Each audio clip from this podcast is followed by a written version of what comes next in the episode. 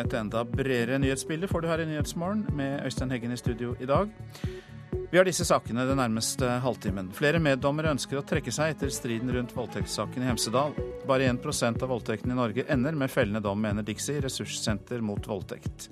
Nye lærerstudenter klarer ikke mattekravet. Tre av fire strøk på sommerens forkurs. Og smilet er tilbake i håndballandslaget. Spania ble slått i OL i går. Ja, Flere har sagt at de ønsker å trekke seg som meddommere etter at tre menn ble frikjent for å ha voldtatt en kvinne i Hemsedal. Saken har fått det til å koke på sosiale medier.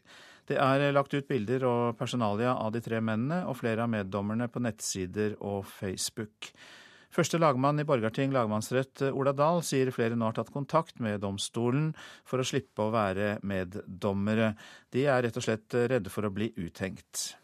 For det første så vil jeg jo si at uh, dette er uh, fryktelig trist. Vi har meddommere som uh, gjør sin borgerplikt. Og da bli uttenkt på den måten der, det er, ja, det er bare helt forferdelig. Det har også da medført at vi nå har fått telefoner fra folk som da sitter i meddommerutvalget, og som ønsker å å trekke seg, komme seg ut av utvalget. Førstelagmann i Borgarting lagmannsrett Ola Dahl reagerer sterkt på det som har skjedd de siste dagene. Etter at det ble kjent at tre menn ble frikjent for en gjengvoldtekt i Hemsedal, har sosiale medier nærmest kokt over av bilder, navn og telefonnumre.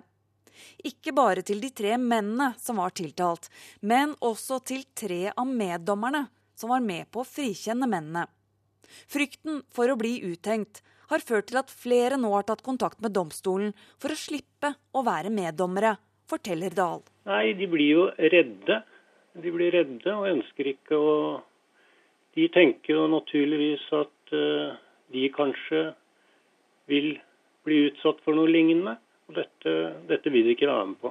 I Borgarting lagmannsrett ble altså tre menn frikjent for en gjengvoldtekt. Fagdommerne stemte for domfellelse, men det var tre lekdommere som stemte for frifinnelse. Og i såkalte meddomssaker kreves et flertall på minst fem. Og de siste dagene har bilder og telefonnumre til de tre meddommerne florert på nettet. NRK har vært i kontakt med to av dem. De ønsker ikke å bli intervjuet.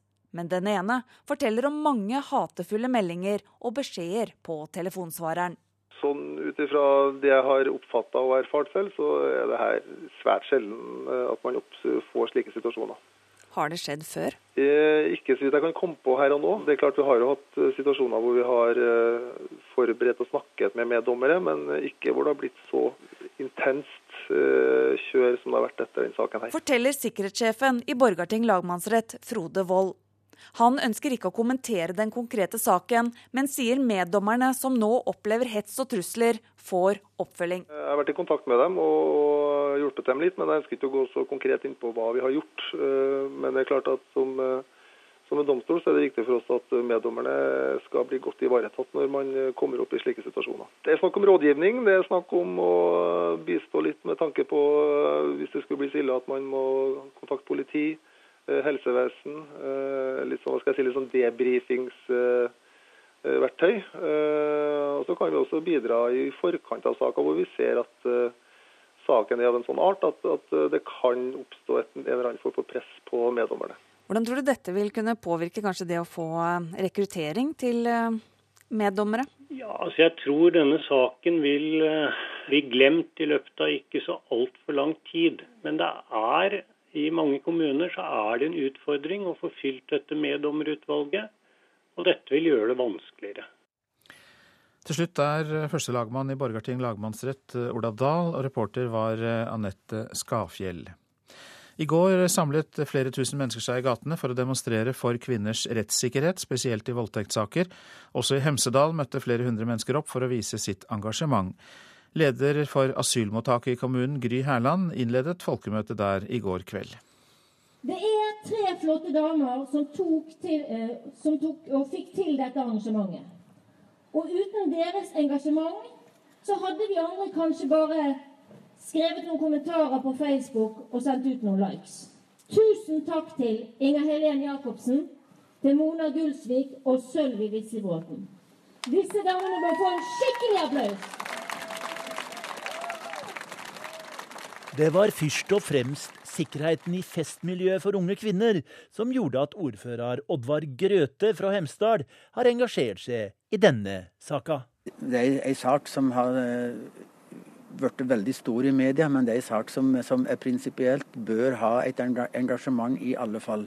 Det er ikke trygt eh, å være i festmiljø i Norges land, og heller ikke i kommunen min. Det gjør at jeg engasjerer meg.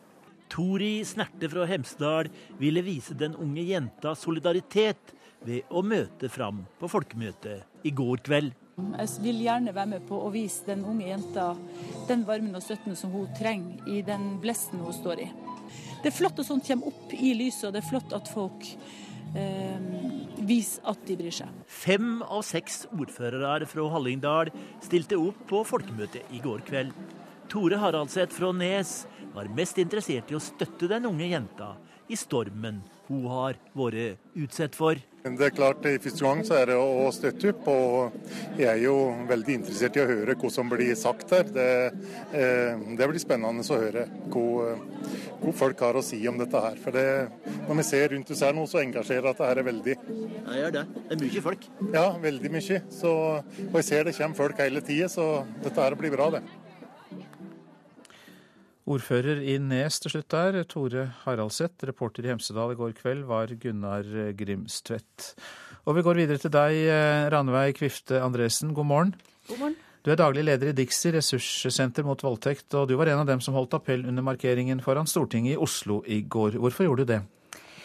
Eh, det er flere grunner til at vi gjorde det. På Dixie så jobber vi jo daglig med utsatte for voldtekt. Og når vi nå så dette engasjementet som ble eh, etter Hemsedal-saken, så syns vi jo at vi kunne benytte den sjansen og få snakka mer om eh, problemet rundt voldtekt. Hvor unik er den saken?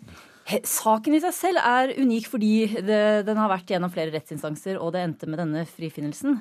Eh, selve handlinga er dessverre ikke unik. Vi møter jo flere som har vært utsatt for eh, festrelaterte voldtekter. Og dessverre også både dop og flere eh, gjerningspersoner i bildet. Har du tall på dette? Vi har jo tall på hvor mange som oppsøker, oppsøker Dixie. Og så har vi tall på hvor mange som anmelder festrelaterte voldtekter. Eh, og i fjor så var det jo 422 festrelaterte eh, voldtektsanmeldelser i, i, Norge. Det var 39% av de anmeldte voldtektene. Men ser på tall på Dixie, så er de, de omtrent det samme. Det er omtrent den andelen som er festrelaterte. Men så er det jo kjempestore mørketall. Vi antar jo at det er bare ca. 10% av voldtektene som blir anmeldt. Og vi vet jo ikke stort om de 90% som ikke er anmeldt. Selv om en del av dem havner hos Dixie. Eh, har dere fått flere henvendelser til dere i Dixie etter dette? Eh, vi har fått flere henvendelser i år. Vi tror det er flere grunner til det. For at voldtekt eh, har vært et tema i flere anledninger, bl.a. gjennom Skam og NRK sitt fokus gjennom den serien. Så i det første halvåret så hadde vi 30% flere henvendelser fra nye utsatte for seksuelle overgrep. Og så ser vi nå i kjølvannet av denne saken at det er mange som tar kontakt. Bare i går så fikk vi flere telefoner fra eh, personer som har vært i kontakt med oss før, som plutselig har funnet ut at nei, nå er det på tide å anmelde min sak. Og det syns vi er veldig gledelig. At folk som tidligere har kvidd seg, nå benytter denne sjansen til faktisk å ville anmelde likevel. Du har eh, vært i studio og hørt eh, de sakene som vi har sendt, og vi hørte jo at meddommere vurderer om de skal trekke seg. På Facebook er det jo lett å finne navn og telefonnummer til de som frikjente de tre mennene i Hemsedal. Eh, bekymrer denne uthengingen av meddommere også dere? Ja, opplagt. Vi ønsker på ingen måte noen hevnaksjoner eller lynsjestemning. Og vi skal ta vare på den rettsstaten vi har. Nå skal man jo se på hele prinsippet rundt uh, rettssaken, rettssalen. Uh, Juryordninga forsvinner, og da skal det jo nedsettes en ny meddomsrett. Hvor det sannsynligvis blir et flertall av fagdommere. Det spesielle her har jo vært at fagdommerne har vært enig i skyldspørsmålet, mens det er lekdommere som har frifunnet. Men de lekdommerne gjør jobben sin. De skal gjøre en vurdering av sin sak, og de har følt seg overbevist om at vedkommende ikke eh, skulle dømmes i denne saken. Men hva mener du da om de som deler denne informasjonen om meddommere og, og tiltalte på sosiale medier? Man skal jo alltid være forsiktig i sosiale medier. Dette er et moralsk spørsmål, det er jo ikke kriminelt.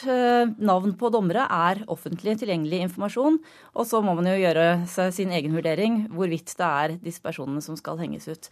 For oss i Dixie så er det viktig å se på prinsippene rundt hvordan vi behandler de som er utsatt for voldtekt, og ikke å henge ut noe og bruke historikken til å sette noen i gapestokk. Men så kan det også hende at interessen rundt de eh, arrangementene som var i går, ikke hadde vært så stor, hvis ikke folk hadde blitt hengt ut? Ja, Det kan du si. Eh, det viktigste eh, årsaken til, engasjementet er at man ikke skjønner dommen her. Man trenger jo ikke å henge ut folk for å synes at det er en prinsipielt feil dom. Og at tre voksne menn misbruker en totalt neddopa jente, det er jo i seg selv urimelig. Og jeg tror engasjementet hadde kommet selv uten å henge ut folk. Men i dette tilfellet så ble altså disse tre mennene frikjent? Det gjorde de, og rettssystemet er sånn. Nå ble, skal det jo sies at eh, jenta ble tilkjent erstatning pga. at et flertall jo mente at de hadde gjort eh, noe ulovlig, men det var ikke et tilstrekkelig flertall. Mange takk skal du ha, Ranveig Kvifte Andresen, som er daglig leder for Dixie, ressurssenter mot eh, voldtekt og her i Oslo. Vi må ta, oss, ta et blikk på avisene også. Oslo-sameiet fikk nok av Airbnb-utleie og vil tvangsselge bolig, skriver Dagens Næringsliv. Eieren har på ett år tjent 300 eh, 000 kroner på utleie, men sameiet mener det fører til bråk, gjør beboerne utrygge og går utover brannsikkerheten. Foreløpig har retten sagt nei til tvangssalg. Boligprisene i Solheimsviken har økt med 136% de siste fem årene, forteller Bergenstidene. Dermed topper denne fjordnære delen av byen listen over områder i Bergen med kraftigst prisvekst. Solheimsviken er sentralt, eh, men man slipper støyen i sentrum, sier en av beboerne, Kari Fortun, til avisa. Færre får bli nordmenn, skriver Klassekampen. Antall somaliere som fikk statsborgerskap falt med 60 i fjor. Flere som har bodd mer enn ti år i Norge, får avslag pga. tvil om identitet. Det skaper frykt, sier Bashe Mosse i somalisk nettverk. Forskjells-Norge er tema i Dagsavisen. De rikestes andel av inntektene har gått økt kraftig opp. Ekspertene frykter europeiske tilstander. Og om få år kan de rikeste i Norge stikke av med en tredel av alle inntekter i landet, skriver avisa. Frykt for voldsbudskap i videopreken er oppslaget i Vårt Land. Samfunnsdebattant og muslim Linda Nord mener det er alvorlig at lederen for Islamnett, Fahad Koresi, bruker krigsretorikk mot eh, de han debatterer med i en ny video.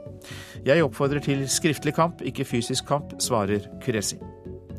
Biokull kan halvere klimautslipp i landbruket, kan vi lese i Nasjonen. Lagret i jorda kan biokull produsert av biomasse binde CO2. Hvis bilistene betaler for å slippe ut CO2, bør bøndene få betalt for å binde CO2, sier seniorforsker Erik Joner ved Norsk institutt for bioøkonomi på Ås. Real Madrid møter Sevilla på Lerkendal stadion i kveld, og kampen kan bli sett av 60 millioner mennesker, skriver Adresseavisen. Vinnerne av Europaligaen og Mesterligaen møtes i Trondheim, fordi noe av meningen med denne supercupfinalen er å spille den i mellomstore europeiske byer. Avisas kommentator Kjetil Krogsæter oppfordrer Norges Fotballforbund til å bruke anledningen til å løfte blikket og hente impulser fra de aller beste. Og nå er smilet tilbake, sier håndballkvinnene. De hevet seg flere hakk fra åpningskampen mot Brasil. Slo nemlig Spania 27-24 i går kveld.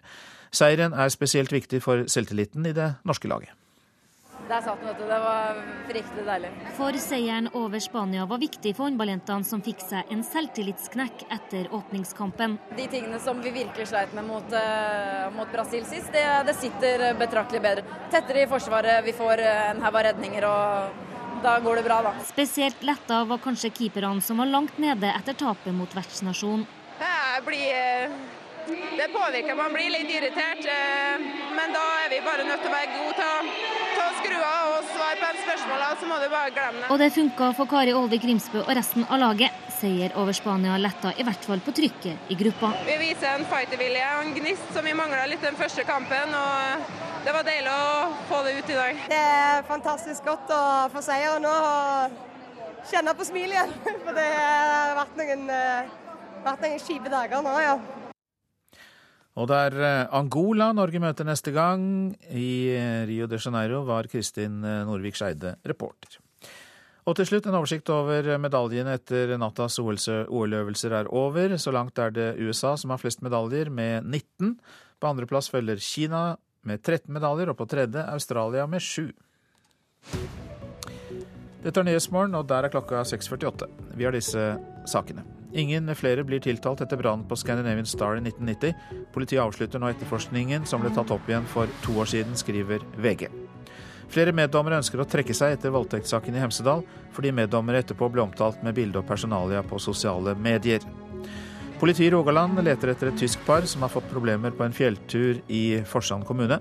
Operasjonsleder Viktor Jensen sier de har kontakt med det tyske paret. Nå om resultatene fra sommerens forkurs i matte for fremtidige lærerstudenter. Det er nemlig dyster lesning. Tre av fire studenter har ikke bestått prøven, som tilsvarer karakteren fire i matte. Det er regjeringen som har innført dette kravet om at studenter som eh, ved studiestart begynner på lærerutdanningen, må ha fire eller bedre i matematikk.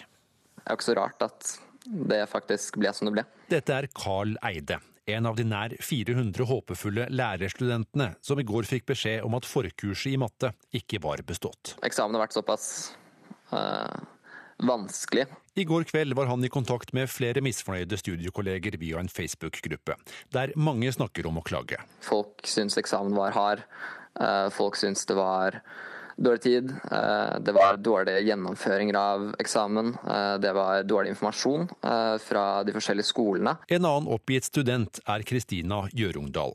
Hun hadde planer om å bli engelsklærer. Hun mener kurset ble vurdert for strengt. Jeg håper jo at de revurderer eksamen min, og at jeg fortsatt kan få gjort det jeg har mest lyst til. For du kommer til å klage? Ja, det har jeg allerede gjort det. Forkurset i matte, som verken Carl eller Kristina besto, var regjeringens tilbud til potensielle lærerstudenter som kun hadde tre i matte fra videregående. For fra studiestart må alle lærerstudenter ha minst fire i matematikk. Det er klart at det er krevende å løfte seg fra karakteren tre til fire, og her er nok eh, noen som må enda perfeksjonere matematikkunnskapene sine hvis de ønsker å bli lærer. Sier fungerende kunnskapsminister Elisabeth Wiik Aspaker fra Høyre. Men hvordan blir man en bedre norsklærer f.eks. av å få fire i matte istedenfor tre? Det mange ikke tenker på, det er hvor viktig grunnleggende matematikkunnskap er for å forstå også andre fag i skolen. Det å kunne lese statistikk krever at man forstår matematikk. Da forslaget om firerkravet ble sendt ut på høring, var det bare et fåtall av høringsinstansene som støttet det. I dag er ikke leder i Utdanningsforbundet, Steffen Handal, overrasket over at så mange som tre av fire ikke har bestått. Eh, det er ikke grunn til å tro at et eh, forkurs på fire uker skal kunne erstatte faget matematikk på videregående skole. Så eh, selv om det er nedslående, så er det ikke helt overraskende. Nå er det 4% færre kvalifiserte lærerstudenter enn på samme tid i fjor. Handal mener Norge risikerer å miste lærertalenter. Det er i hvert fall sånn at du kan være en veldig god engelsklærer uten å oppfylle krav om eh, fire i matematikk. Så det vi risikerer jo her å gå glipp av gode engelsklærere, samfunnsfaglærere eller norsklærere. Eh, det har vi advart mot, og nå, nå ser vi kanskje konsekvensen av det. Mens Aspaker sier at den høye strykprosenten ikke endrer på firerkravet. Nei, kravet fire er forankra også i Stortinget. Og masterutdanninga for grunnskolelærere er viktig, og sånn skal vi bygge en høy, en høy kvalitet i norsk skole fremover. Dermed må nesten 400 håpefulle lærerstudenter finne seg noe annet å gjøre. Blant dem Karl Eide. Jo, nå blir planen, planen er folkehøyskole i Kristiansand. Reporter Fredrik Lauritzen. Barnemenyer på restauranter gjør at barna blir mer kresne. Det mener matforsker Anniken Bugge. Mens listen over nei-mat øker blant nordmenn, så tilbyr fortsatt flere restauranter spesialtilpassede menyer for den oppvoksende generasjonen. Skal vi se. Her er det barnemeny. Pappa Ole Jan Dahl og den seks år gamle sønnen Dennis Dahl står og ser på en restaurantmeny i Oslo. Se, her har du flatbrød med kylling og ost, hamburger pommes frites, fish and chips. Hva vil du ha valgt? da? Eh, fish and chips sier den glisende seksåringen. For å velge noe fra voksenmenyen er helt uaktuelt. Kunne du tenkt deg f.eks. salat med røkelaks? Nei. Nei.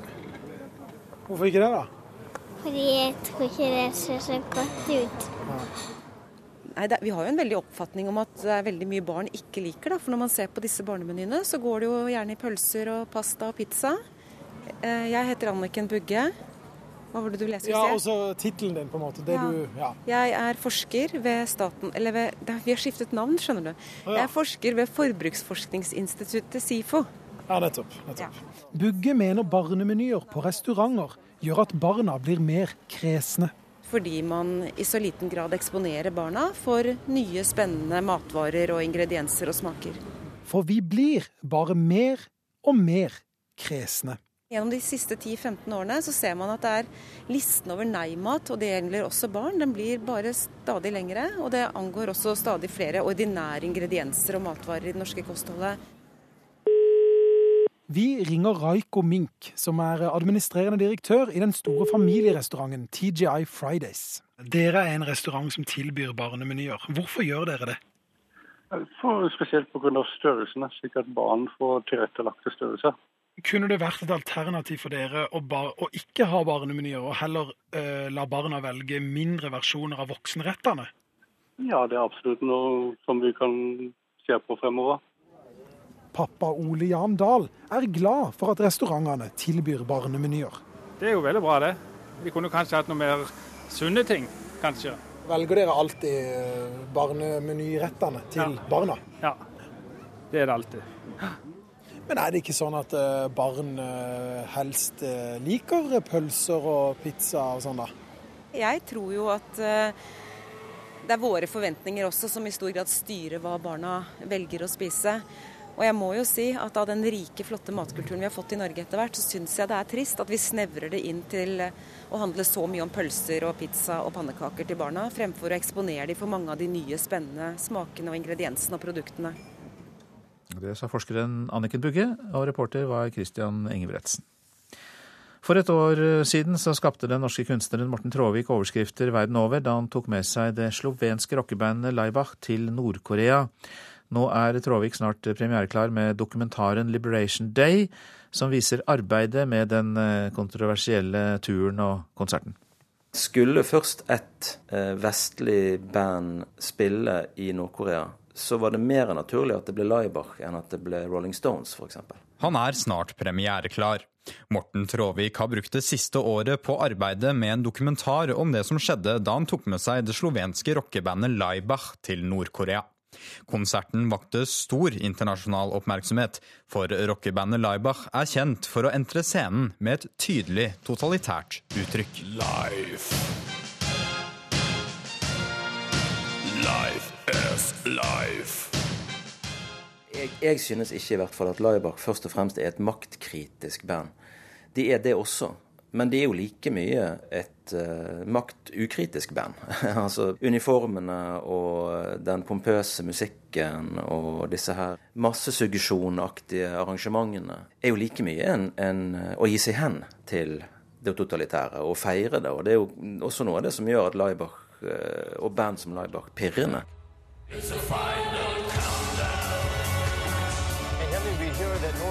Meningene har vært mange om hvorfor bandet valgte å spille i Nord-Korea.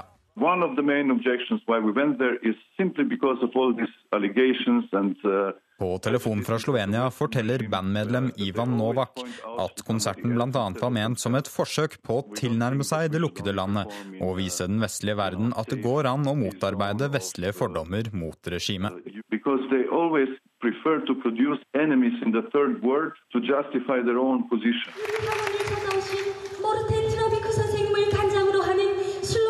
Tråvik understreker at han ikke har noe politisk standpunkt i kunsten sin, som han tidligere har blitt kritisert for.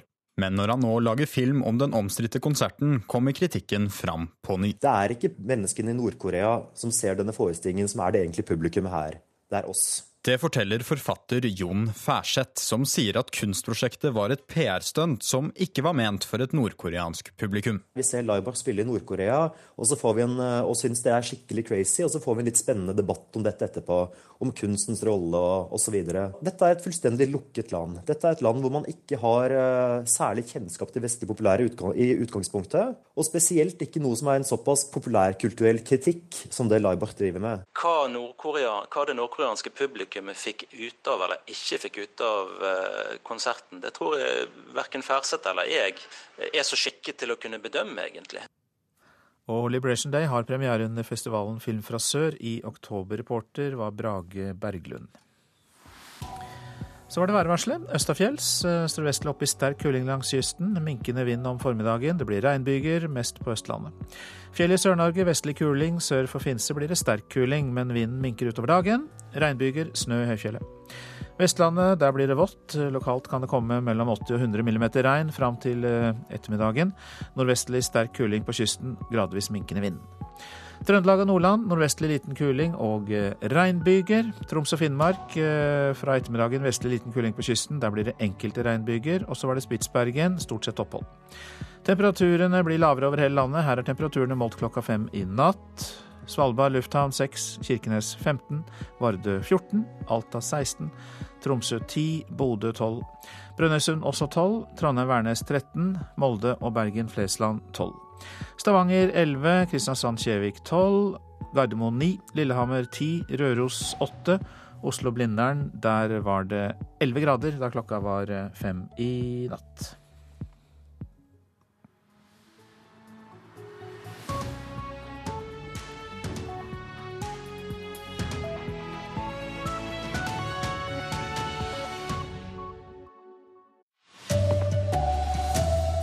Flere blir smittet av antibiotikaresistente bakterier.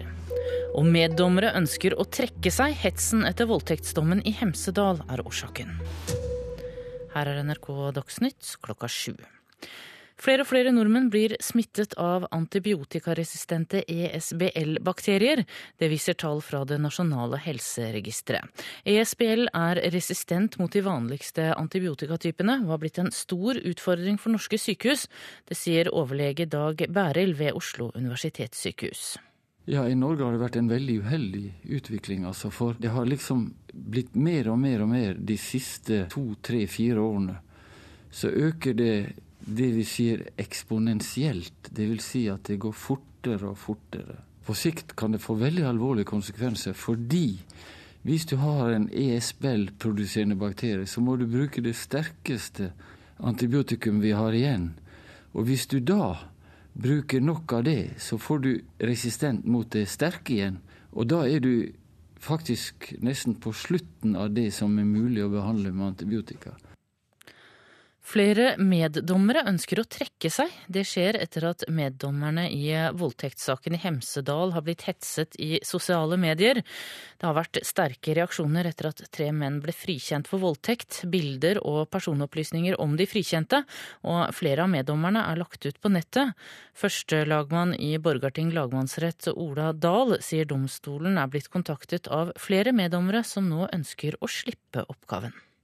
Det har også da medført at vi nå har fått uh, telefoner fra folk som da sitter i meddommerutvalget, og som ønsker å, å, trekke seg, komme seg ut av utvalget. De blir redde og ønsker ikke å De tenker jo naturligvis at uh, de kanskje vil bli utsatt for noe lignende. To personer har havnet i sjøen etter en båtbrann ved Ulefoss i Telemark. Alle nødetater og redningshelikopter har rykket ut.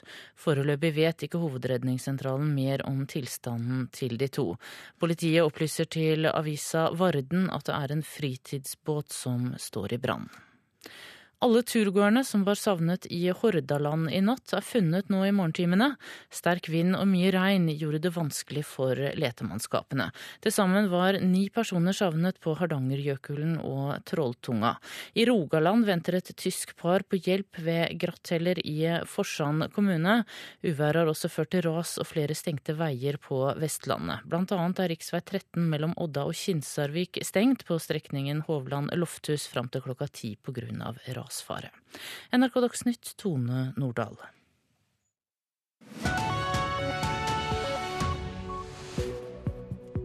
Ja, hva kan vi gjøre for å beskytte oss mot bakterier som ikke kan bekjempes med antibiotika? Vi spør fagdirektør Steinar Madsen i Statens legemiddelverk om det vi hørte i Dagsnytt nettopp. Her i Nyhetsmorgen eh, skal vi også høre mer om at ingen flere blir tiltalt etter brannen på Scandinavian Star. Vi følger altså opp den saken, og flere republikanske ledere forsøker å stanse Donald Trump, men klarer han likevel å samle nok folkelig støtte til å bli president. Og i Bergen hjelper privatpersoner asylsøkere med å finne bolig. Ja, Det har altså vært en økning i antall pasienter ved norske sykehus som er smittet av bakterier som er motstandsdyktige mot antibiotika. De siste fem år har andelen E. coli-infeksjoner som produserer de resistente bakteriene, doblet seg, viser tall fra det nasjonale helseregisteret NORM. ESBL-enzymet som bakteriene produserer, bryter ned antibiotika, og det kan få alvorlige følger for de som er syke. Engangs smittefrakk. Den man har på seg man går inn på et uh, smitteisolat. Hygienesykepleier ved Radiumhospitalet Hege Helseth tar smittevernhensyn når kreftpasienter med ESBL kommer til behandling. Og det blir stadig flere av dem, for på landsbasis har andelen E. coli i blod som produserer ESBL dobla seg i løpet av de siste fem årene. Og utviklinga ser ikke ut til å snu. Jeg har vel en følelse at vi finner en ESBL en gang hver 14. dag eller der omkring, slik situasjonen er nå. I dag er de antibiotikaresistente ESBL-bakteriene en av de største utfordringene av resistente bakterier på norske sykehus, sier overlege i infeksjonsmedisin Dag Torfall fast. Dette er enzymer disse bakteriene produserer, eh, som eh, bryter ned også de mer bredspektrede antibiotikaene våre og på den måten skaper de et problem. Økt forbruk av antibiotika og at flere reiser til utlandet er bakgrunn for oppblomstringa av bakterien, sier overlege Dag Beril ved Oslo universitetssykehus. I noen land har de funnet helt resistente bakterier, og frykten er at de også skal bli det i Norge. Hvis du har en ESBL-produserende bakterie, så må du bruke det sterkeste antibiotikum vi har igjen. Og hvis du da bruker nok av det, så får du resistent mot det sterke igjen. Og da er du faktisk nesten på slutten av det som er mulig å behandle med antibiotika. Noe som det står utenfor det rommet der, er et smitterom. Så eh, må alt kastes i gule, de gule tøyposer du ser der, og så gul søppelsekk den andre.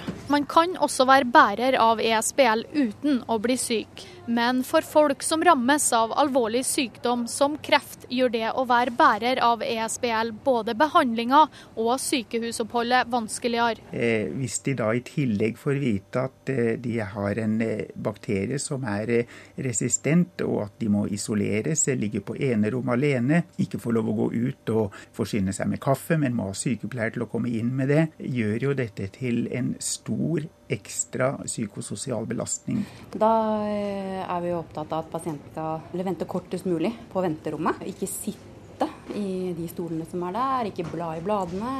Eh, ikke bruke samme toalett som andre pasienter. Da, hvis de må det, så blir det satt av et eget toalett. Reportasjen var laget av Tanita Kveinå. Steinar Madsen, medisinsk fagdirektør i Statens legemiddelverk, velkommen hit. Takk. Noen blir smittet, hørte vi her. Noen av oss bærer eh, disse bakteriene med oss uten å vite det. Kan vi sjekke dette? Ja, det går an. Det går an å ta prøver eh, av folk for å se om de bærer dette, men det er jo ikke noe vi anbefaler.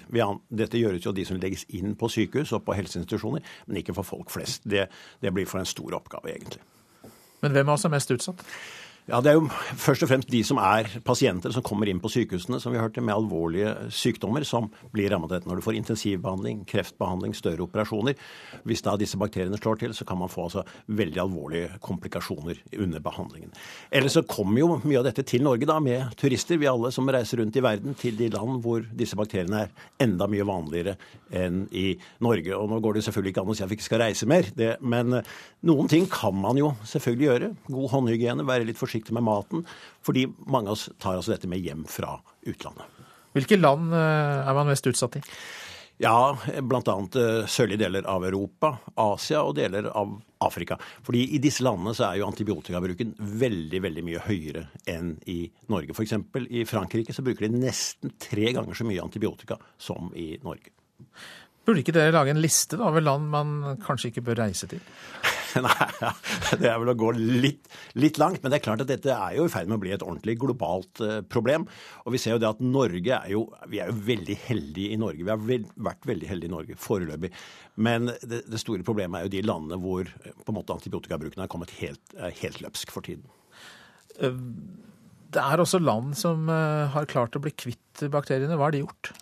Ja, De har vært veldig veldig strenge. da. De har gjort alle de tiltak som man kan gjøre. F.eks. Nederland er jo et veldig godt eksempel. De bruker veldig lite antibiotika. De er veldig strenge når pasienter kommer fra utlandet og skal på nederlandske sykehus. De blir nærmest uh, tvangsisolert. Uh, så det, e, Egentlig er det litt synd at man må være såpass brutal, men, men nederlenderne har gjort en veldig god jobb på dette området. Bør vi være så brutale?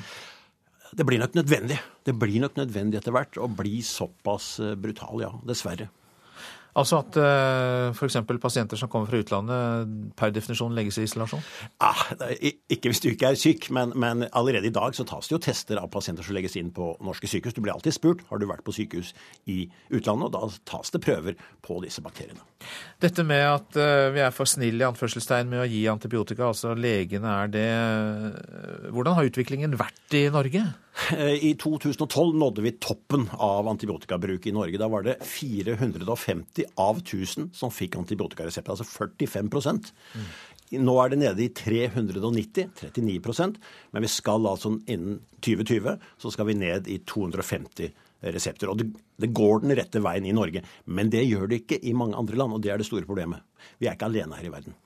Men la oss spole tilbake til hvorfor det er så skummelt da, å få antibiotika. Det har jo eh, Ja, da vi vokste opp og var barn, så var det redningen. Var man syk, så fikk man antibiotika.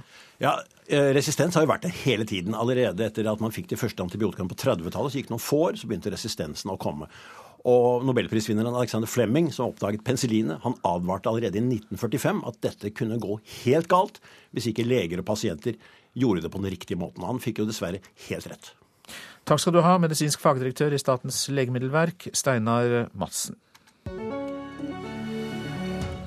Politiet er ferdige med etterforskningen av Scandinavian Star, som ble gjenopptatt for to år siden. Ifølge VG har politiet ikke funnet bevis for eh, en av hovedpåstandene fra støttegruppene, som har jobbet for at brannen som kostet 159 mennesker livet for 26 år siden, altså Påstanden var at det var flere brannstiftere. Og Reporter Trond Lydersen, du har eh, sett nærmere på dette. Hva innebærer da denne konklusjonen? Altså den, Denne konklusjonen den innebærer at kan du si, den hovedpåstanden fra støttegruppen, altså denne spekulasjonen i den store sammensvergelsen og den store forbrytelsen, den har politiet ikke funnet grunnlag for. Altså den at det da har vært eh, Mannskapet har skullet ha da tent på for å få ut en forsikringssum. Det er den hovedkonklusjonen som politiet nå har landet på, ifølge VG. Det oppsto jo flere branner lenge etter at hovedbrannen brøt ut. Eh, hva har de konkludert med om det? Ja, så Det er det som har vært det merkelige, at det kom mange branner veldig lenge etterpå, et halvannet døgn etterpå. Mm. Men det de sier er at det, altså, selve stålet i båten det var så varmt, det kokte, det var flere hundre grader varmt, sier de brannsakkyndige. Og det gjorde at brennbart materiale flere steder i båten da antok fyr en god stund etterpå. Og at det ikke var noen som satte fyr på den, rett og slett. Eh, dette er jo kilder som har fortalt VG VG i denne saken. Når skal politiet offisielt redegjøre for det? Altså, Klokken ett i dag så skal eh, Oslo-politimester Hans Terje Sjøvold da skal han redegjøre, da skal han gå gjennom dette i en time, hva de har funnet ut i denne eh, to år lange etterforskningen som nå har kommet etter sterkt påtrykk, og, og, redegjøre for hvorfor de ikke da har funnet noe bevis, og mener at de er trygge på de konklusjonene de har nå. Er dette det endelige punktum for Scandinavian Star-brannen? Nå har jo støttegruppene som har uh, ivret for den etterforskningen, trukket i tvil politiets arbeid tidligere. Uh, Sigurd Klomsæt, advokat for, for gruppa da Ny etterforskning, han ville ikke kommentere dette, denne konklusjonen overfor VG. Men vi får se. Men tidligere har de jo trukket dette i tvil, i hvert fall. Takk skal du ha, reporter Trond eh, Lydersen. Vi eh, går ut av landet til Storbritannia. Der er det fullt kaos rundt nyvalget av leder i eh, Arbeiderpartiet, altså Labour. Sittende leder Jeremy Corbyn må slåss for å beholde jobben etter at misnøye innad i partiet har utløst et nytt ledervalg. Så betent har saken vært at den har vært innom rettsvesenet. Thank you. Thank you very much for that. Uhyre populær i Labours grasrot, men uhyre upopulær blant sine parlamentariske kolleger. Labour-leder Jeremy Corbyn. Has uh. Nå må han igjen drive kampanje for å beholde jobben han så overveldende ble valgt til for et år siden.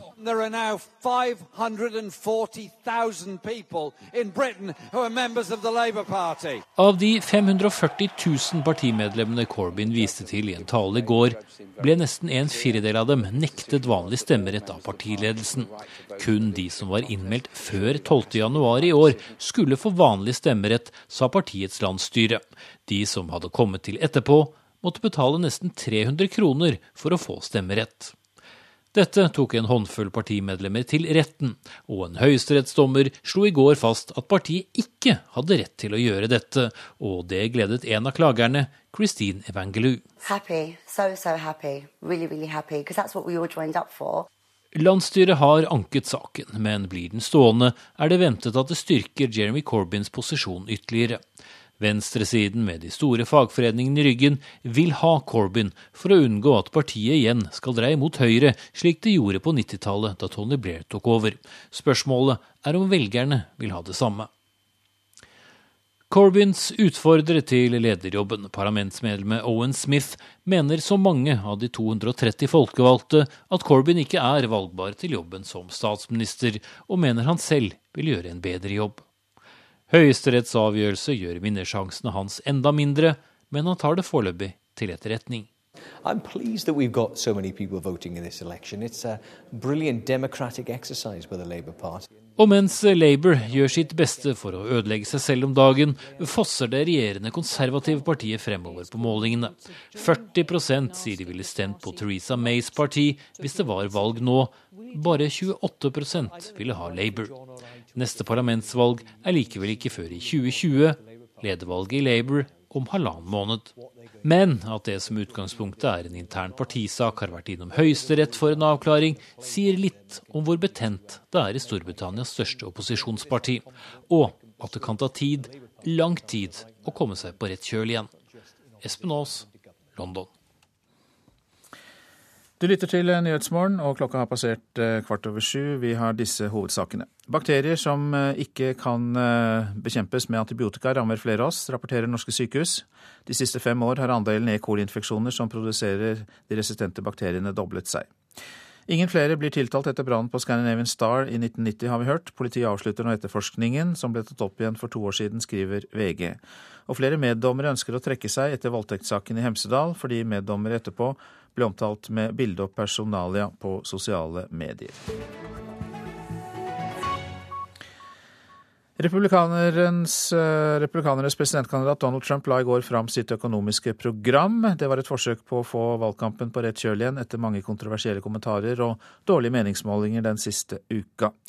Men eh, samtidig så snur eh, stadig flere i hans eget parti seg mot ham. American cars will travel the roads. American planes will connect our cities. Han lover å bringe arbeidsplasser i bilindustrien og annen produksjonsindustri tilbake til USA.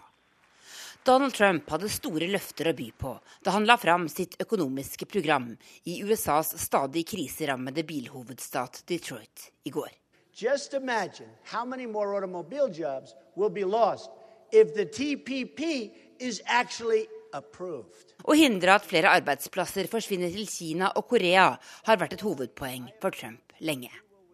For å få til dette vil han bl.a. reforhandle den store handelsavtalen TPP med Asia og Stillehavsområdet. Ever, ever, ever Trump vil også forenkle det amerikanske skattesystemet kraftig, og lover at alle bedrifter skal få et langt lettere skattetrykk. No American company will pay more than 15% in taxes. Men heller ikke gårsdagen, som han skulle bruke til å få litt positiv oppmerksomhet inn i valgkampen sin, ble enkel for Trump. Gang på gang ble han avbrutt av høylytte demonstranter mens han holdt talen sin. Og da han var ferdig, brakte mediene andre nyheter enn innholdet i den økonomiske planen hans. Den viktigste var at 50 sikkerhetspolitiske eksperter i det republikanske partiet har skrevet under på et brev der de advarer folk mot å stemme på Trump, fordi de mener han er totalt ukvalifisert til å bli president. I dag går også den første av republikanernes sittende senatorer ut i New York Times og sier hun ikke vil stemme på Trump. Det er riktignok moderate Susan Collins fra delstaten Maine som kaster inn håndkleet. Men en rekke republikanske senatorer er bekymret for hva det vil få å si i november dersom Donald Trump fortsetter å ligge 10 prosentpoeng bak Hillary Clinton på meningsmålingene. What impact does Donald Trump have right now? Is he more asset or more liability? I don't think we know yet. You know, I think we have to see where the presidential election uh, ends up. Majoritetsleder Mitch McConnell sier han fortsatt støtter Trump. Men i et intervju med CNN i helga advarte han sin egen presidentkandidat mot at partiet vil tape flertallet i Senatet i november dersom Trump ikke klarer å få kontroll over valgkampen sin. Republikanerne går et tøft valg i møte. I en rekke av de såkalte vippestatene der presidentvalget vil bli avgjort, er senatorer også på valg. I Ohio, Pennsylvania, New Hampshire og flere andre slike delstater ser det kritisk ut for sittende republikanske kandidater, som nå vurderer om de bør distansere seg fra sitt eget partis presidentkandidat for å redde sitt eget skinn. Ja, det sa USA-korrespondent eh, Tove Bjørgaas. Og Christian eh, Norheim, takk for at du kommer hit. Du er vararepresentant til Stortinget for Frp, tidligere utenrikspolitisk talsmann, og du kjenner jo det republikanske partiet meget eh, godt. Eh, hvorfor var det så viktig å komme med dette budskapet for Donald Trump i Detroit?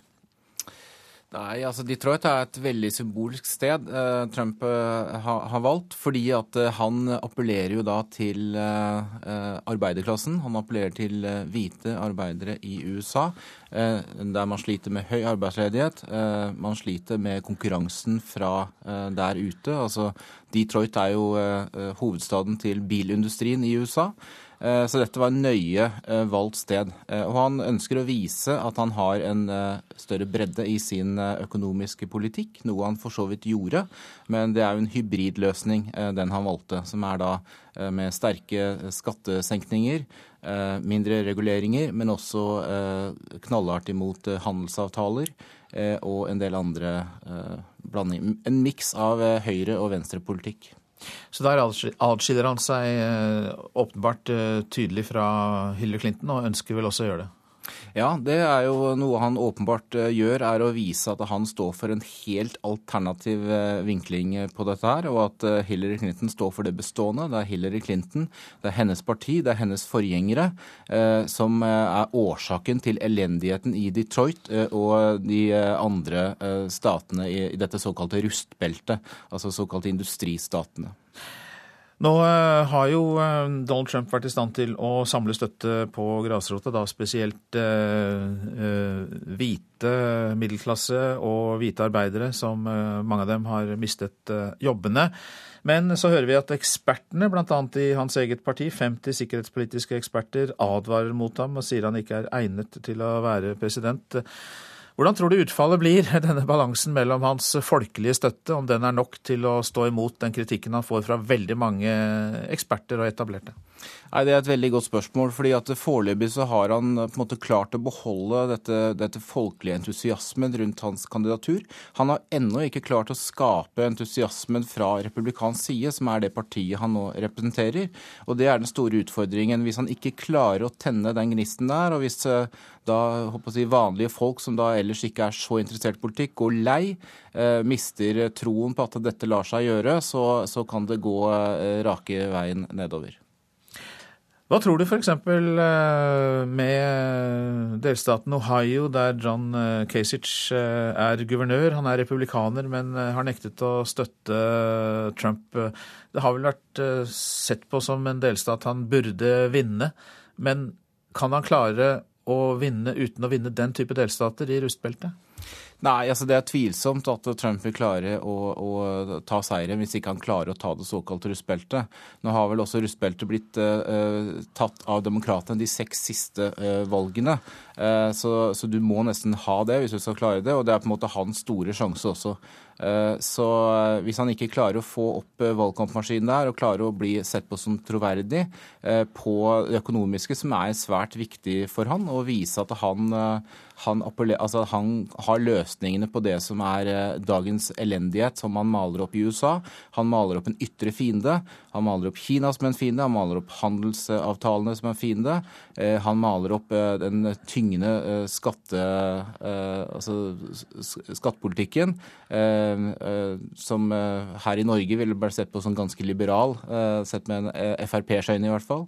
og han maler opp tyngende reguleringer og, presenterer da en, en, slags cocktail som da skal appellere til disse eh, velgerne som har gått lei på de tradisjonelle politikernes løsninger. Mange takk skal du ha, Kristian eh, Norheim, som altså er vararepresentant eh, til Stortinget for Frp, og en kjenner av det republikanske partiet. Nå til eh, uværet på Vestlandet, for det har virkelig skapt trøbbel. Ni turgåere er reddet, ytterligere to venter på hjelp. I tillegg har mye vann og ras stengt flere veier. Det er forsinkelse på Bergensbanen pga. jordras og oversvømmelser. Og Petter Ingholm, eh, Ingholm Gustavsen i NRK Trafikk, derfor er du med oss nå. Hvor er det verst? Nei, akkurat nå så er det vel kanskje vinden over Buknafjorden i Rogaland samt rasfaren i Hardanger som er aller verst. Fergene på E39 må gå mellom Marsvågen og Mekkjarvik i stedet for Mortavika, mens i Hardanger så er eh, den viktige strekningen eh, Odda-Kinsarvik nå stengt mellom Hovland og Lofthus pga. rasfare. Og Der er det ny vurdering først klokka ti i formiddag om veien i det hele tatt kan åpne igjen. Og I tillegg så er det også meldt om veldig mye vann på Osveien, E39 eh, sørover fra Bergen mot Os. Der blir nå trafikken dirigert forbi. Er det noen oppfordringer til bilistene fra politi og veimyndigheter? Nei, det er å være oppmerksom. da. Trær kan jo velte over veien. Eh, man må følge med på fjellsiden hvis man kjører eh, langs eh, en fjellside, siden det kan komme ras.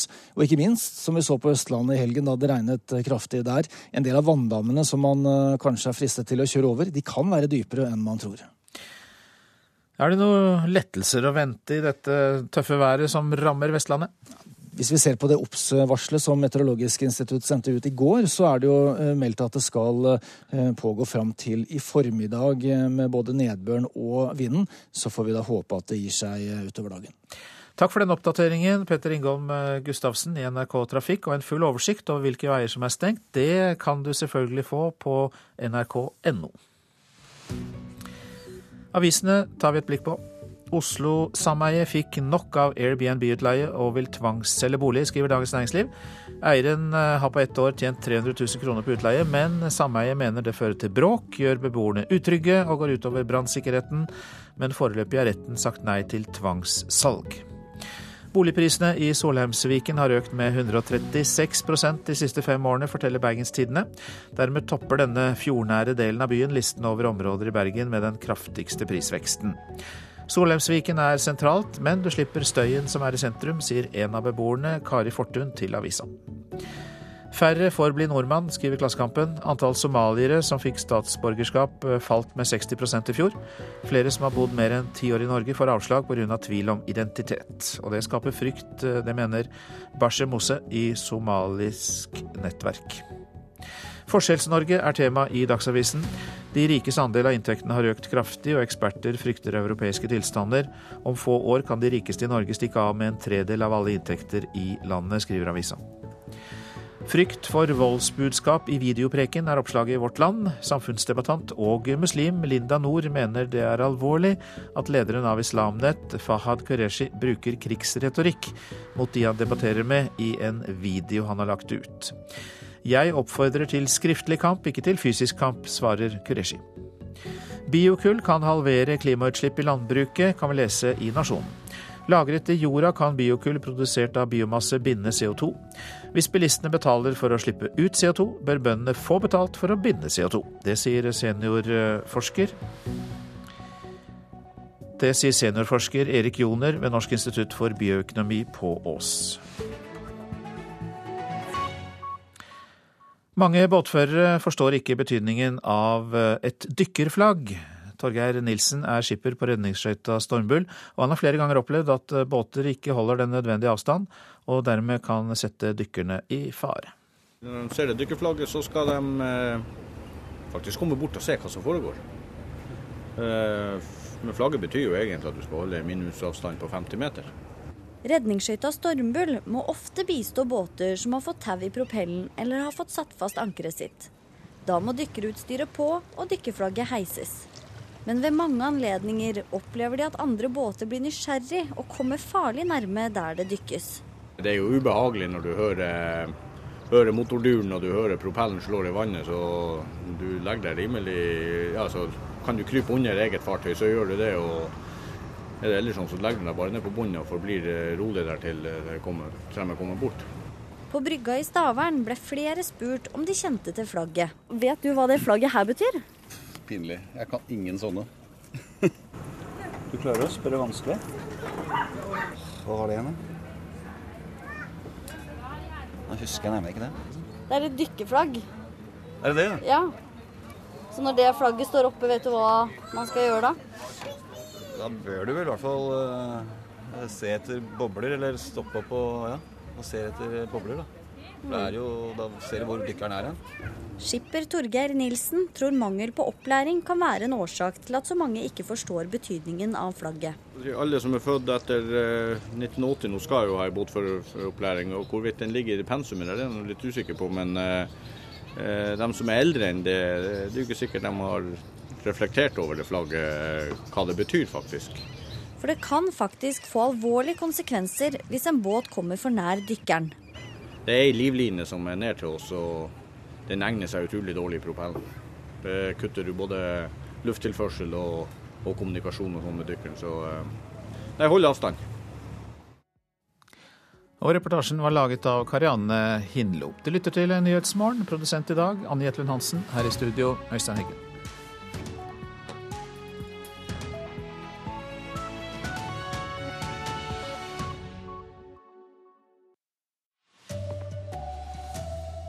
Flere blir smittet av antibiotikaresistente bakterier. Det blir ikke tatt ut flere tiltaler etter dødsbrannen på Scandinavian Star, og meddommere ønsker å trekke seg. Hetsen etter voldtektsfrifinnelsen i Hemsedal er årsaken. Her er NRK Dagsnytt klokka 7.30. Stadig flere nordmenn blir smittet av antibiotikaresistente ESBL-bakterier. Sykehusene må sette i verk omfattende smitteverntiltak, og disse tarmbakteriene har blitt en stor utfordring. Noe som det står utenfor det rommet der, er et smitterom. Hygienesykepleier Hege Helseth tar smittevernhensyn når pasienter med ESBL kommer til behandling, og det blir stadig flere av dem. For på landsbasis har andelen E. coli i blod som produserer antibiotikaresistente ESBL-bakterier dobla seg på fem år, ifølge tall fra det nasjonale helseregisteret Norm. Og utviklinga ser ikke ut til å snu. Jeg har vel en følelse at vi finner en ESBL en gang hver 14. dag eller der omkring, slik situasjonen er nå. Sier overlege i infeksjonsmedisin Dag Torfoss.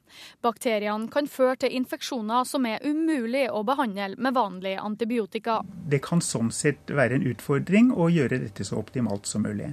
Økt forbruk av antibiotika og at flere reiser til utlandet er bakgrunnen for oppblomstringa av de resistente bakteriene, sier overlege Dag Bærild. Hvis du har en ESBL-produserende bakterie, så må du bruke det sterkeste antibiotikum vi har igjen. Og hvis du da bruker nok av det, så får du resistent mot det sterke igjen. Og da er du nesten på slutten av det som er mulig å behandle med antibiotika. Man kan også være bærer av ESBL uten å bli syk. Men for folk som rammes av alvorlig sykdom som kreft, gjør det å være bærer av ESBL både behandlinga og sykehusoppholdet vanskeligere. Eh, hvis de da i tillegg får vite at eh, de har en eh, bakterie som er resistent, og at de må isoleres, ligge på enerom alene, ikke få lov å gå ut og forsyne seg med kaffe, men må ha sykepleier til å komme inn med det, gjør jo dette til en stor ekstra psykososial belastning. Da eh, er vi opptatt av at pasienten skal vente kortest mulig på venterommet. Ikke sitte i de stolene som er der, ikke bla i bladene. eh, Ikke bruke samme toalett som andre pasienter. Reporter her var Tanita Kveinå. Det blir ikke tatt ut noen nye tiltaler etter brannen på Scandinavian Star i 1990. Politiet avslutter nå etterforskningen som ble tatt opp igjen for to år siden, skriver VG. Siden den fatale natten for 26 år siden hvor 159 mennesker mistet livet, har det vært spekulert på om det lå økonomiske motiver bak brannen. Det oppsto nemlig flere branner i døgnet etter den fatale hovedbrannen. Var de påsatt av mannskapet for å få ut forsikringspenger? De brannsakkyndige har ifølge VG konkludert med nei. Brannene oppsto som følge av at stålet i båten ble flere hundre grader varmt og antente brennbart materiale flere steder i båten. Advokat for stiftelsen Ny etterforskning av mordbrannen Scandinavian Star, Sigurd Klomsæt, som har jobbet for gjenopptakelse av saken, ville i VG ikke gi noen kommentar til konklusjonene i etterforskningen. Reporter her var Trond Lydersen. Uvær har skapt trøbbel flere steder på Vestlandet i natt. Til sammen er ni turgåere reddet og ytterligere to venter på hjelp.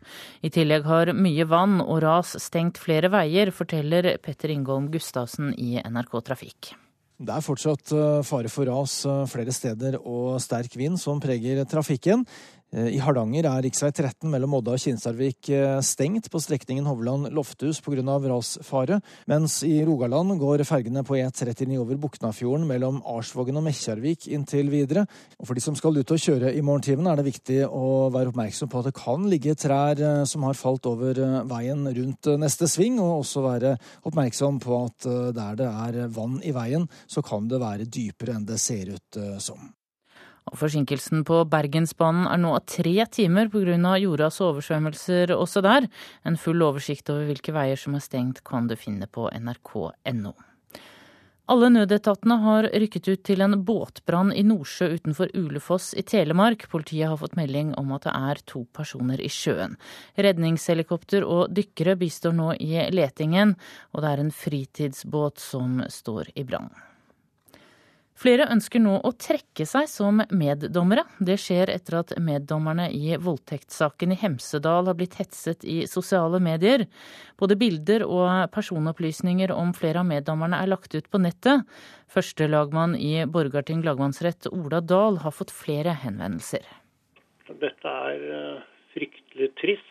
Vi har meddommere som eh, gjør sin eh, borgerplikt og da bli uttenkt på den måten der, det er, eh, ja, det er bare helt forferdelig. Det har også da medført at vi nå har fått uh, telefoner fra folk som da sitter i meddommerutvalget, og som ønsker å, å trekke seg, komme seg ut av utvalget. Førstelagmann i Borgarting lagmannsrett Ola Dahl reagerer sterkt på det som har skjedd de siste dagene. Etter at det ble kjent at tre menn ble frikjent for en gjengvoldtekt i Hemsedal, har sosiale medier nærmest kokt over av bilder, navn og telefonnumre. Ikke bare til de tre mennene som var tiltalt, men også til tre av meddommerne som var med på å frikjenne mennene. NRK har vært i kontakt med to av dem. De ønsker ikke å bli intervjuet. Men den ene forteller om mange hatefulle meldinger og beskjeder på telefonsvareren. Jeg har vært i kontakt med dem og hjulpet dem litt, men jeg ønsker ikke å gå så konkret inn på hva vi har gjort. Eh, men det er klart at som, eh, som en domstol så er det viktig for oss at meddommerne skal bli godt ivaretatt når man kommer opp i slike situasjoner. Teller sikkerhetssjefen i Borgarting lagmannsrett, Frode Wold.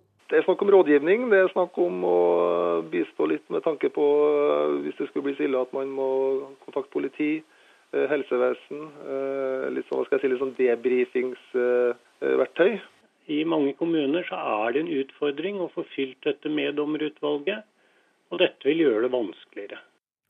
Reporter her var Anette Skafjell. Potensielle lærerstudenter som i sommer har tatt forkurs i matte, klarte seg svært dårlig. Bare én av fire har bestått mattekurset. Og nesten 400 studenter som ville bli lærere, må dermed finne seg noe annet å gjøre når studieåret starter. Styrtregnet utenfor lærerutdanningen ved Høgskolen i Oslo og Akershus i går kveld kan være betegnende for mattekunnskapene til studentene som hadde håpet å studere her. Her er nok eh, noen som må enda perfeksjonere matematikkunnskapene sine hvis de ønsker å bli lærer. Sier fungerende kunnskapsminister Elisabeth Vik Aspaker fra Høyre. Elever som kun hadde tre i matte fra videregående, fikk i sommer en ny mulighet til å oppfylle regjeringens krav om karakteren fire for å starte på lærerutdanningen. Men tre av fire fikk ikke bestått. Men det skal være krevende å bli lærer i Norge. Og matematikk er et grunnleggende viktig fag.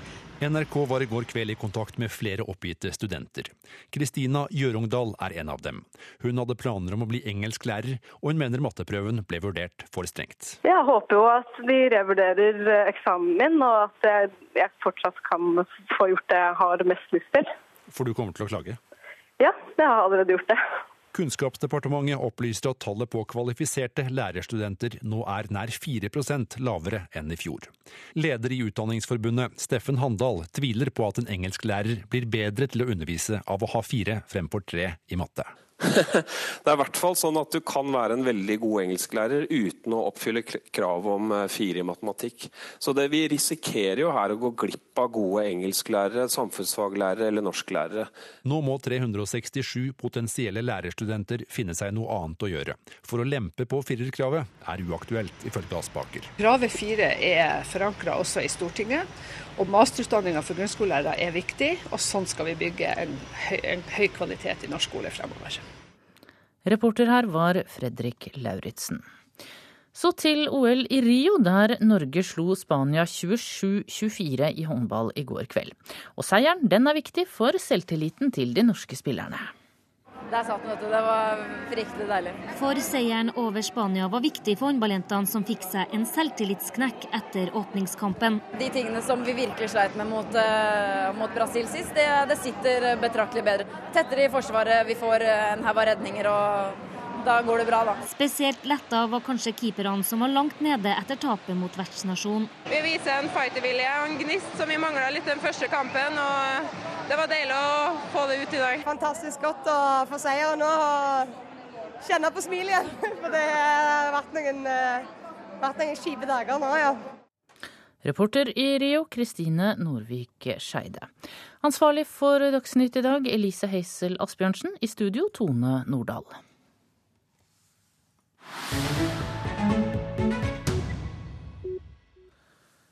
Nyhetsmorgen fortsetter i Russland, for der har mer enn 180 000 personer skrevet under på et opprop der de krever at statsminister Dmitrij Medvedev må gå av.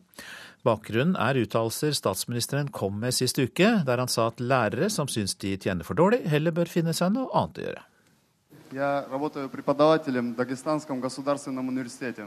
Получается так, что молодые учителя и преподаватели получают зарплату 10... Det hele startet på en konferanse for lærere. Det var en ung universitetslærer fra Dagestan sør i Russland som spurte hvorfor han bare tjener 2000 kroner i måneden, mens politifolk tjener tre-fire ganger mer. Statsminister Dmitrij Medvedev svarte slik. Знаете, меня часто об этом спрашивают и по учителям, и по преподавателям. Это призвание. det spørsmålet får jeg ofte, men det å være lærer, det er et kall, sa Medvedev. Den som vil tjene penger, har mye større muligheter i næringslivet. Der kan man raskt tjene mye penger, påpekte statsministeren.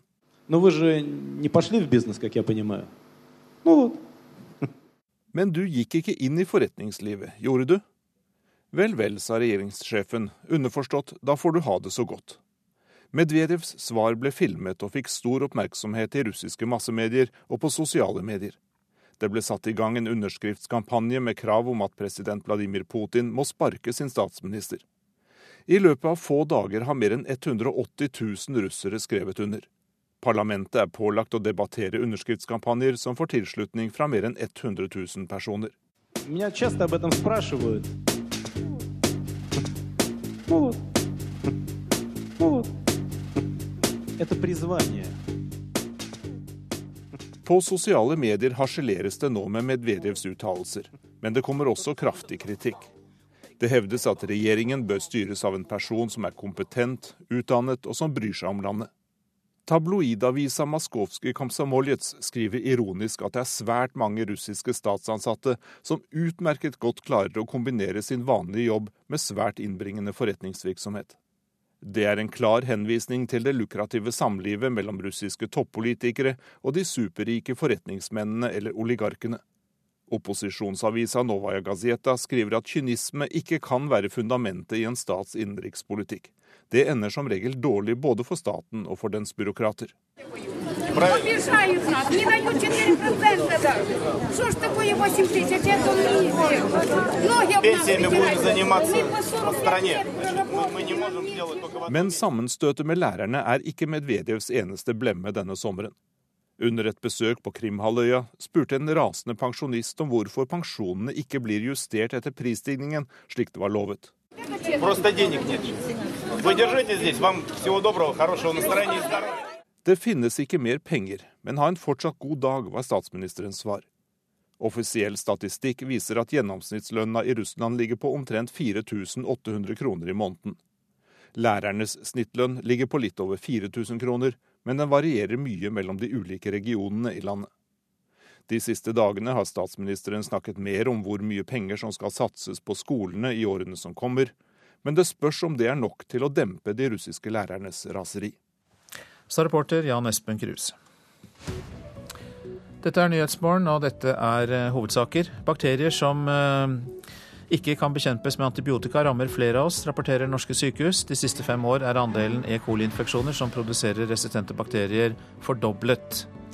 Ingen flere blir tiltatt etter brannen på Scandinavian Star i 1990. Politiet avslutter etterforskningen, som ble tatt opp igjen for to år siden, skriver VG. Flere meddommere ønsker å trekke seg etter voldtektssaken i Hemsedal, fordi meddommere etterpå er blitt omtalt med bilde og personalia på sosiale medier. Nye lærerstudenter klarer ikke mattekravet, tre av fire strøk på sommerens forkurs. Og uvær har skapt problemer flere steder på Vestlandet. Totalt eh, ni turgåere er reddet, og ytterligere to venter på hjelp. Det har også vært oversvømmelser og ras som har stengt flere veier, og det er forsinkelser på Bergensbanen. Nå nærmer vi oss Politisk kvarter, og programleder der i dag er Sindre Heierdal.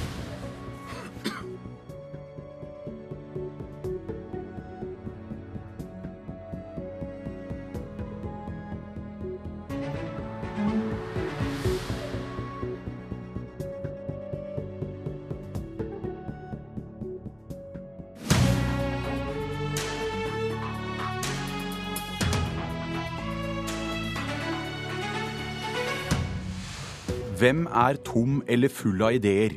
Hvem har eller mangler politikk for fremtiden? Høyres Jan Tore Sanner og Arbeiderpartiets Trond Giske møtes til duell i Politisk kvarter. Og skal landets 16- og 17-åringer slippe egenandeler hos fastlegen? AUF og Unge Høyre kunne ikke vært mer uenige. Velkommen til sesongens andre Politiske kvarter. Med et drøyt år igjen til eh, neste stortingsvalg, så begynnes, begynner også argumentene å finslipes hos eh, våre største partier. Og eh, kommunalminister og Høyre-nestleder Jan Tore Sanner han benyttet anledningen nå i helgen på Unge Høyres sommerleir. Vi skal høre et lite utdrag fra en Facebook-video som Høyre har lagt ut. Hva er egentlig Arbeiderpartiets svar på morgendagens utfordringer? Jo, vi har hørt at eh, det er for lite for seint, at eh, det er for mye for tidlig. At de er for kommunereform, men mot kommunereformen. For passasjeravgift, men mot passasjeravgiften. For jernbanereform, men mot mot jernbanereformen. Jeg er faktisk enig med hva LO-dronning Gerd Liv Valla sa forrige helg. Det er ikke mulig å skjønne hva Arbeiderpartiet egentlig mener. Ja, det er eh, friske toner her, Sanner. Eh, Ble du oppildnet av det ungdommelige pågangsmotet på sommerleiren? Du, Arbeiderpartiets eh, utydelighet, det er jo egentlig ikke mitt problem. Det er Arbeiderpartiets problem.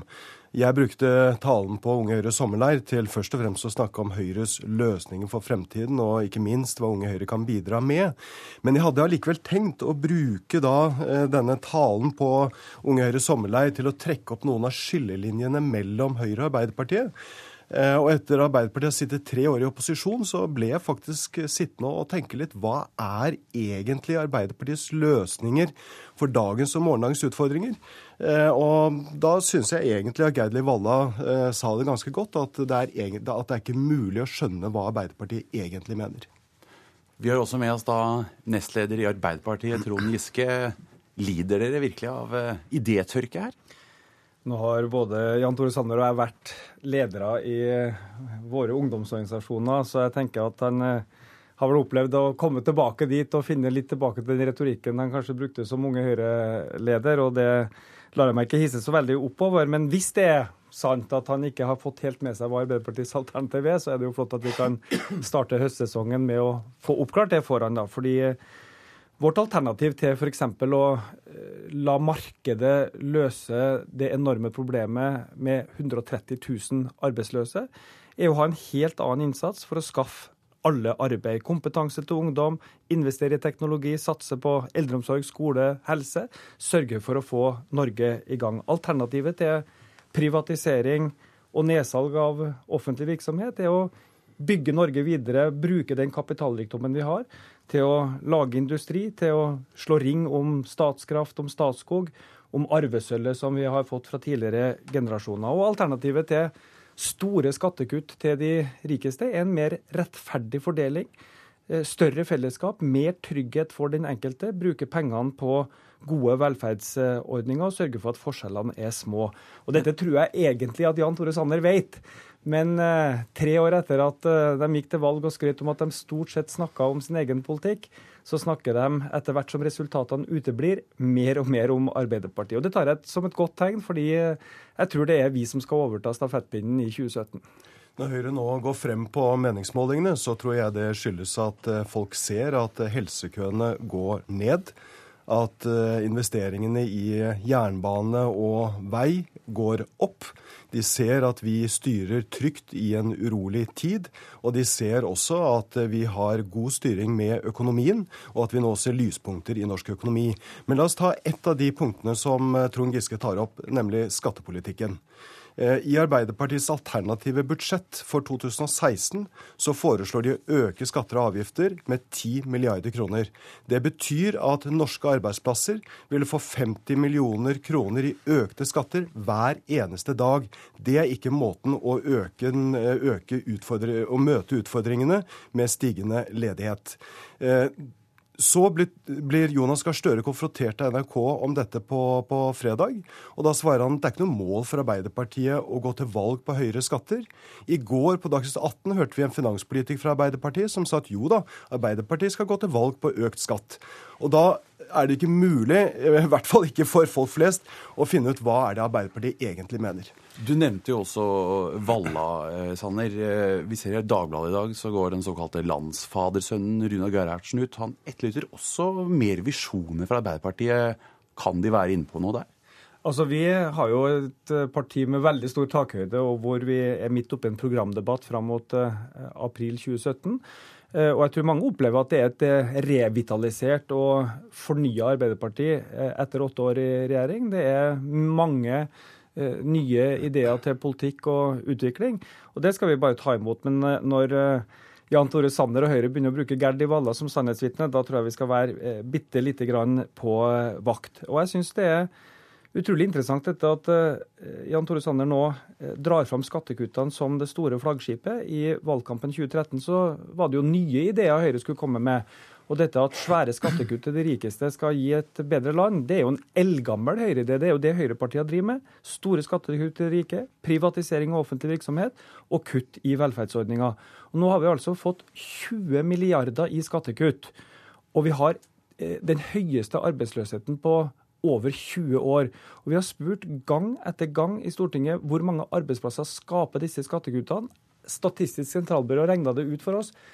200 millioner i skattekutt gir tre arbeidsplasser. Hva kunne man alternativt fått for disse pengene? Jo, 200 millioner kunne bygd et svært nytt sykehjem, en stor skole, gitt 5000-6000 studieplasser til ungdom som skal kvalifisere seg for eh, arbeidslivet.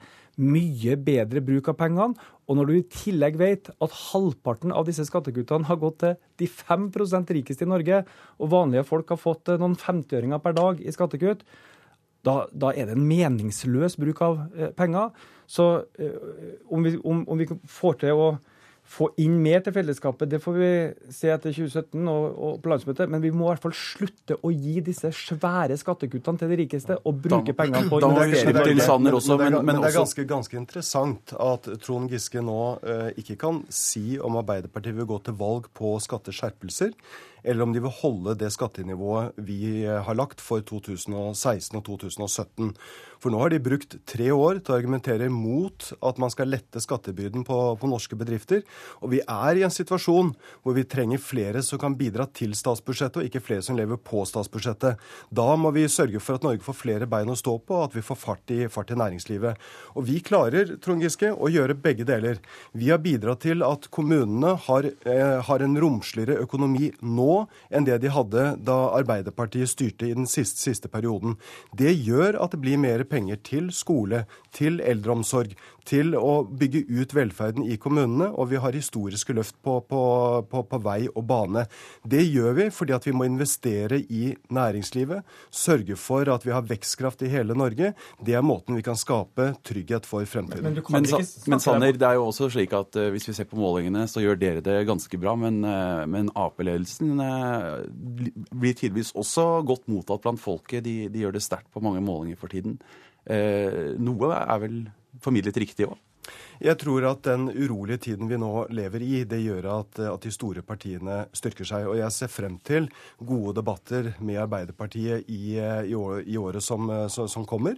Jeg tror det blir et jevnt oppgjør, og man skal på ingen måte undervurdere Arbeiderpartiet.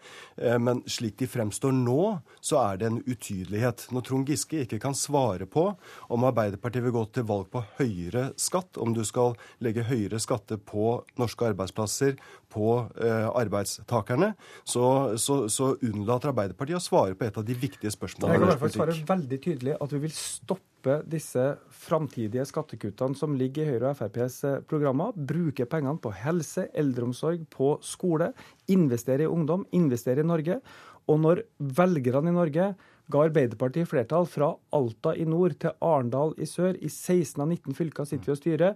Høyre og Frp gikk kraftig tilbake i kommunevalget. Så er det et signal om at folk ikke vil ha den retninga, med passivitet mot arbeidsløsheten, med skattekutt til de rike og forvitring av fellesskapet. Trygghet for den enkelte blir dårligere når 130 000 er arbeidsløse, når 70 000 under 30 år er utafor arbeid og utdanning og når kommunene har for lite til å satse på de grunnleggende velferdsordningene. Dette er kjernen i å bygge Norge videre, og der er forskjellen på oss og dere veldig stor. Trond Giske, når oljeprisen faller fra 120 dollar fatet til 40-50 dollar fatet, så, så, gir det, så, gir det, stor Ja, men dere har anklaget oss for å gjøre for lite for seint. Ja, vi har en økonomisk politikk som gir kraftige stimulanser til, til, norske arbeidsplasser, og nå ser vi også at arbeidsledigheten går, går, ned. Det er et lyspunkt som vi tar tak i. Mine herrer, nå må vi dessverre videre til eh, neste debatt og et annet utspill fra en annen politisk sommerleir. Men eh, jeg håper og tror vi skal høre mer til dette framover også. Takk.